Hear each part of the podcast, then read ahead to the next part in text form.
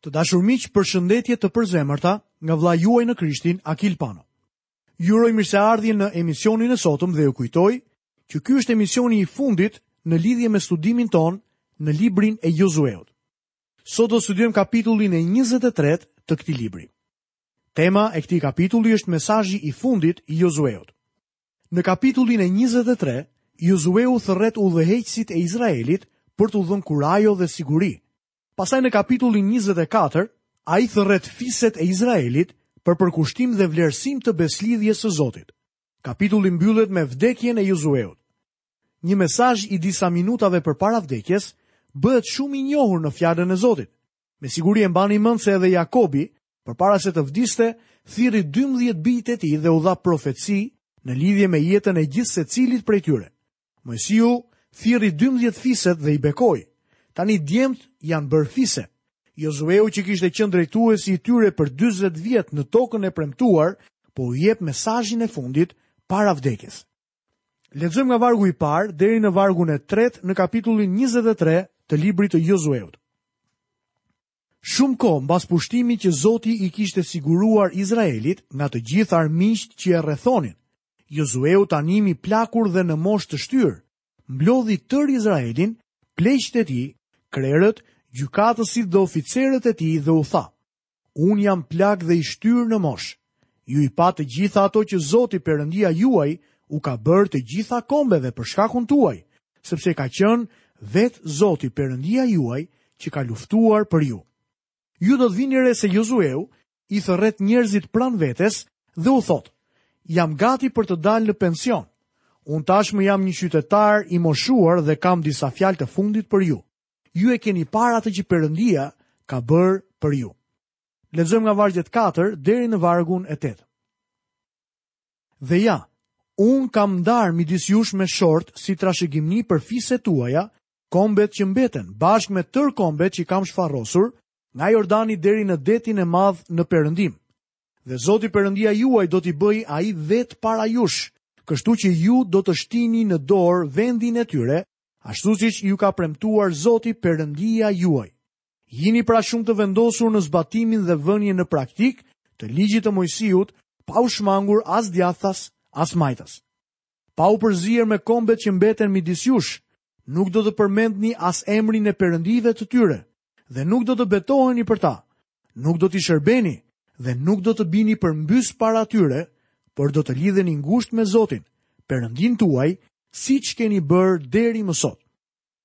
Rreziku i madh i kalimit të lumit Jordan, përballja me armiqtë në një tokë të huaj, ndeshja me të panjohurit në çdo vend dhe frika në çdo anë e mbajti Izraelin afër me Zotin. Jozueu pranon se tani që kishin hyrë në prehje dhe po shijonin begatinë dhe bollëkun, do të largoheshin nga Zoti. Kjo është historia e natyrës njerëzore. Ajo nuk ndryshon kurrë. Kjo është edhe arsyeja pse Jozueu po i jep Izraelit këtë porosi. Perëndia ka bërë këto gjëra të mrekullueshme për ju. Qëndroni afër tij dhe bindjuni. Nëse do të veproni kështu, ai do të vazhdojë t'ju bekojë. Pastaj ai i paralajmëron për atë që do të ndodhë nëse largohen nga Zoti. Lexojmë nga vargjet 11 deri në vargun e 16. Tregoni pra kujdes të madh për shpirtrat tuaj, për ta dashur Zotin Perëndinë tuaj. Por në rast se i shmangeni dhe bashkoheni me mbeturinat e këtyre kombeve që kanë mbetur midis jush dhe bashkoheni me anë të martesash me ta dhe përziheni me ta dhe ata me ju. Dijeni me siguri që Zoti Perëndia juaj nuk ka për të vazhduar t'i dëbojë këto kombe përpara jush, por ata do të bëhen për ju një kurth, një kamzhik në ijët tuaja dhe hala në sytë tuaj, derisa ju të zhdukeni nga ky vend i mirë që Zoti Perëndia juaj ju ka dhënë. Dhe ka për të ndodhur që ashtu si për të gjitha gjërat e mira që Zoti Perëndia juaj ju kishte premtuar, ju kanë dalë. Kështu Zoti do të sjellë mbi ju tërë fatkeqësitë derisa t'ju zhdukë nga ky vend i mirë që Perëndia juaj, Zoti ju ka dhënë. Në rast se shkelni besëlidhjen që Zoti, Perëndia juaj, ju ka urdhëruar dhe shkoni t'u shërbeni perëndive të tjera dhe bini përmbys para tyre, atëherë zemërimi i Zotit do të ndizet kundër jush dhe ju do të zhdukeni shpejt nga vendi i mirë që ai ju ka dhënë. Kjo është më tepër një profeci sesa paralajmërim. Ashtu siç e dimë, kjo profeci tashmë ka hyrë në histori. Të dashur miq, këtu do të fillojmë dhe studimin e kapitullit të 24 në librin e Jozueut. Në kapitullin 24 Jozueu mbledh sërish njerëzit bashkë dhe ata paraqiten përpara Zotit. Jozueu u zbulon rishikimin e historisë dhe marrëveshjet e Zotit me ta. Lexojmë nga kapitulli 24, vargun e dytë. Dhe Jozueu i tha tërë popullit, kështu flet Zoti Perëndia i Izraelit, në kohërat e kaluara etërit tuaj si Terahu, ati i Abrahamit dhe i Nahorit, banonin matanë lumit dhe u shërbenin perëndive të tjera. Kjo zbulon diçka, diçka që ne nuk e dinim më parë, edhe pse mund të dyshonim. Kur Perëndia e thirri Abrahamin nga Uri i Kaldeasve, e thirri të dilte jashtë nga shtëpia e idhujtarisë. Terahu, ati i tij, na thuhet këtu që i shërbente perëndive të tjera. Kjo ngre pyetjen, Pse zgjodhi Perëndia Abrahamin dhe bëri një komb nga ai? Le të shohim të kaluarën. Pas kullës së Babelit, njeriu u largua plotësisht nga Perëndia. Askush nuk i shërbente më Zotit, madje as Terahu, babai i Abrahamit. Kur Zoti ngatërroi gjuhët, njerëzit u shpërndanë në çdo drejtim dhe morën me vete njohurinë e Zotit të vërtetë dhe të gjallë. Kjo është arsyeja që edhe në fiset pagane gjejmë njohurinë e Zotit të vërtetë edhe pse ata nuk e adhurojnë atë. Pas kullës së Babelit, pati një braktisje të plotë të Perëndisë.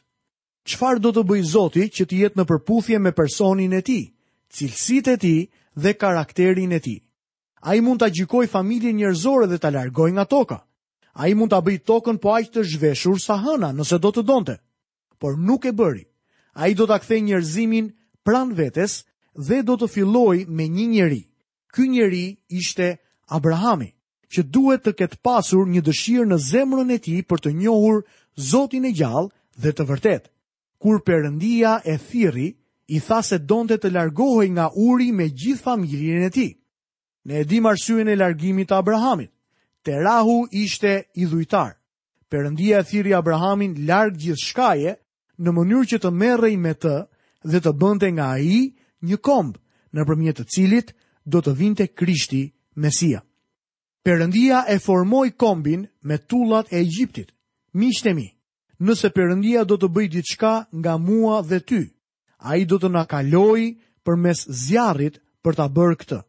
Ai nuk do të përdorë të përkëdhelurit e kishave tona bashkëkohore, mund t'ju siguroj për këtë gjë. Lexojmë më poshtë nga vargjet 5 deri në vargun e 7 të kapitullit 24 në librin e Jozueut. Pastaj dërgova Moisiun dhe Aaronin dhe godita Egjiptin me atë që bëra në mes të tij. Pastaj ju nxora jashtë. Kështu nxora nga Egjipti etërit tuaj dhe ju arritët në det. Egjiptasit i ndoqën etërit tuaj me qerre dhe me kalorës deri në Detin e Kuq. Por ata i klithën Zotit.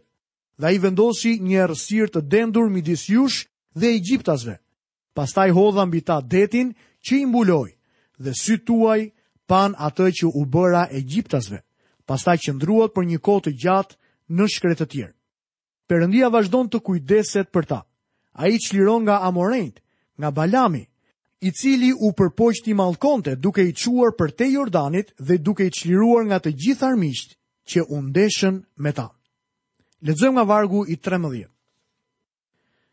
Dhe ju dhash një tokë për të cilën nuk kishit punuar dhe qytete që nuk i kishit ndërtuar dhe ju banuat në to. Dhe tani hani frytin e vreshtave dhe të ullishteve që nuk keni mbjellë. Tani izraelitët janë vendosur në vend, por për shkak se nuk u çliruan nga qytetërimi që ishte atje, rrethohen nga idhujtaria. Ata janë në rrezik të madh. Duke e kuptuar këtë, Jozueu i thërret që t'i përkushtohen Zotit, duke i kthyer komplet jetët e tyre tek ai. Dëgjojeni. Lexojmë vargjet 14 dhe 15. Prandaj tani t'ia keni frikën Zotit dhe shërbejini me ndershmëri dhe besnikëri. Hiqni perënditë të cilëve u shërbyen etërit tuaj matanë lumit dhe në Egjipt, dhe vihuni në shërbim të Zotit. Dhe në rast se ju duket një gjë e keqe t'i shërbeni Zotit, zgjidhni sot kujt doni t'i shërbeni. O perënditë, të cilëve u shërbyen etërit tuaj matanë lumit, o perëndive të amorenjve në vendin e të cilëve ju banoni sot. Sa për mua dhe shtëpinë time, do t'i shërbejmë Zotit. Sa më shumë që e njohim Jozueun, aq më shumë ai na pëlqen si karakter. Gjatë gjithë viteve, ai kishte qëndruar nën hijen e Moisiut, kështu që mendojmë që ai është një Moisi në miniaturë. Por Jozueu është një njeri me një shtat të lartë. Perëndia nuk kishte gabuar në zgjedhjen e këtij njeriu. Edhe pse Jozueu është një njeri me nivel mesatar, Ky libër zbulon se nëse një njeri mesatar i përkushtohet Zotit, ai mund të përdoret në mënyrë të fuqishme. Ai i thotë kombeve, A doni të ktheheni mbrapa tek perënditë e etërve tuaj, tek ata perëndi paganë që etërit tuaj i shërbyen? Apo doni të shërbeni zotërave të amorenjve? Ju mund të zgjidhni, po sa për mua dhe shtëpinë time, ne do t'i shërbejmë Zotit. Miqtë e mi, kjo është një sfidë e jashtëzakonshme për të gjithë fiset e Izraelit, në mënyrë që ata të marrin parasysh besëlidhjen e tyre me Perëndinë. Vini re përgjigjen e popullit. Lexojmë nga vargjet 16 dhe 17.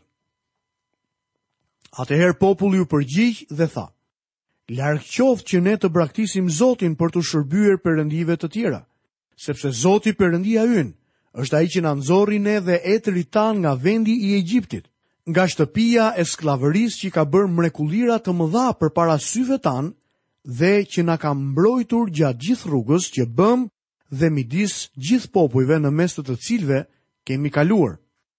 Ju ndoshta mund të mendoni se për shkak të mënyrës fantastike që punoi Zoti me Izraelin, do të qëndronin pranë tij dhe do t'i shërbenin. Është e lehtë të tregosh me gisht 3580 vjet më parë dhe të thuash se sa i mjerë ishte Izraeli. Çfarë dështimi i tmerrshëm që ishte. Po për ne sot, sa afër po qëndrojmë ne me Zotin e gjallë. Lexojmë vargun e 20. Kur ta braktisni Zotin dhe t'u shërbeni perëndive të huaja, ai do të kthehet për t'ju bërë keq dhe për t'ju konsumuar pas aq të mirave që ju ka bërë. Perëndia ka qenë gjithashtu i mirë me ne saqë shumë njerëz jetojnë në një mënyrë kaq indiferente pa asnjë respekt për bekimet që ai ka derdhur mbi ta. Shumë njerëz mendojnë që mund të bëjnë gjithçka që u pëlqen. Është e vërtetë që ai është një Zot mëshire, dashurie dhe ngushëllimi, por nga ana tjetër është edhe një Zot gjykimi. Lexojmë vargun e 21. Dhe populli i tha Jozueut: "Jo, ne do t'i shërbejmë Zotit." Duket sikur Izraeli ka synime të mira apo jo. Lexojmë vargjet 25 dhe 26. Kështu Jozueu lidhi atë ditë një besëlidhje me popullin dhe i dha statutet dhe dekretet në Sikem. Pastaj Jozueu shkroi këto gjëra në librin e ligjit të Perëndisë dhe mori një gur të madh dhe e vendosi aty, poshtë lisit, pranë shenjtërores së Zotit. Me fjalë të tjera, ato çfarë shkroi Jozueu u vendosën në të njëjtin skroll me pesë librat e Moisiut. Tani mbërrijmë në vdekjen e Jozueut. Lexojmë nga vargjet 29 dhe 30. Pas këtyre gjërave, Jozueu, biri i Nunit dhe shërbëtori i Zotit, vdiq në moshën 110 vjeç dhe e varrosën në territorin e pronës së tij në Timnath Serah, që ndodhet në krahinën malore të Efraimit në veri të malit Gaash. Jozueu u varros në vendin e zhveshur që zgjodhi për trashëgiminë e tij. Lexojmë nga vargjet 31 dhe 32. Izraeli i shërbeu Zotit gjatë gjithë jetës së Jozueut dhe gjatë gjithë jetës së pleqve që jetuan pas Jozueut dhe që dinin tërë veprat që Zoti kishte bërë për Izraelin. Eshtrat e Jozefit, që bijtë e Izraelit kishin sjellë nga Egjipti, i varrosën në Sikem, në pjesën e arës që Jakobi ua kishte blerë bijve të Hamorit, atit të Sikemit, për njëqind pjesë argjendi dhe që ishte pronë e bijve të Jozefit. Në kohën e vdekjes së Jozueut, ai duhet të ketë pasur një vlerësim shumë të lartë nga njerëzit, sepse Izraeli i shërbeu Zotit gjatë gjithë jetës së Jozueut. Ky ishte efekti i ndikimit të tij të perëndishëm. Ja ç'mund të bëjë Perëndia në një komb nëse ai mund të përdorë në mes të tij një njeri që i dorëzohet totalisht atij. Jozefi ishte ati i Efraimit dhe Manasit. Kur këta dy djem lanë Egjiptin, sollën me vete kockat e atit të tyre dhe i mbartën për dyzet vjet në shkretëtirë. Ata i kishin premtuar Jozefit që do t'i varrosnin kockat e tij në tokën e premtuar. Pse? Sepse ai po priste të ringjallej nga të vdekurit në atë vend. Lexojmë nga vargu i 33. Pastaj vdiq edhe Eleazari, biri i Aronit dhe e varrosën në malin që ishte pronë e birit të tij Finehas dhe që ia kishin dhënë në krahinën malore të Efraimit. Aroni ishte prifti i parë që vdiq. Eleazari ishte i dyti. Libri i Jozueut kufizohet nga vdekja. Ai fillon me vdekjen e Moisiut dhe përfundon me vdekjen e Jozueut dhe priftit Eleazar. Fakti interesant për mua në këtë varg është se ata e varrosën Eleazarin në kodrën që i përkiste Finehasit, birit të tij, që ia kishin dhënë në krahinën malore të Efraimit. Lind pyetja, Nga e mori Finehasi këtë tokë? priftërinjve nuk iu dha tokë, ndërsa ky njeri kishte siguruar një parcelë të vogël të bukur. Ky është fillimi i largimit nga Zoti i gjallë dhe i vërtetë që do të bëhet më i dukshëm në librin e gjyqtarëve. Të dashur miq, këtu kemi përfunduar dhe studimin tonë mbi librin e Jozueut. Ju kujtoj që në emisionin e ardhshëm do të fillojmë një studim të ri mbi librin e gjyqtarëve. Deri atëherë, Nga vëllai juaj në Krishtin Akil Pano, paçi të gjitha bekimet e Perëndisë dhe paqen e Tij në jetën tuaj. Bashkë mirudëgjofshim në emisionin e ardhshëm.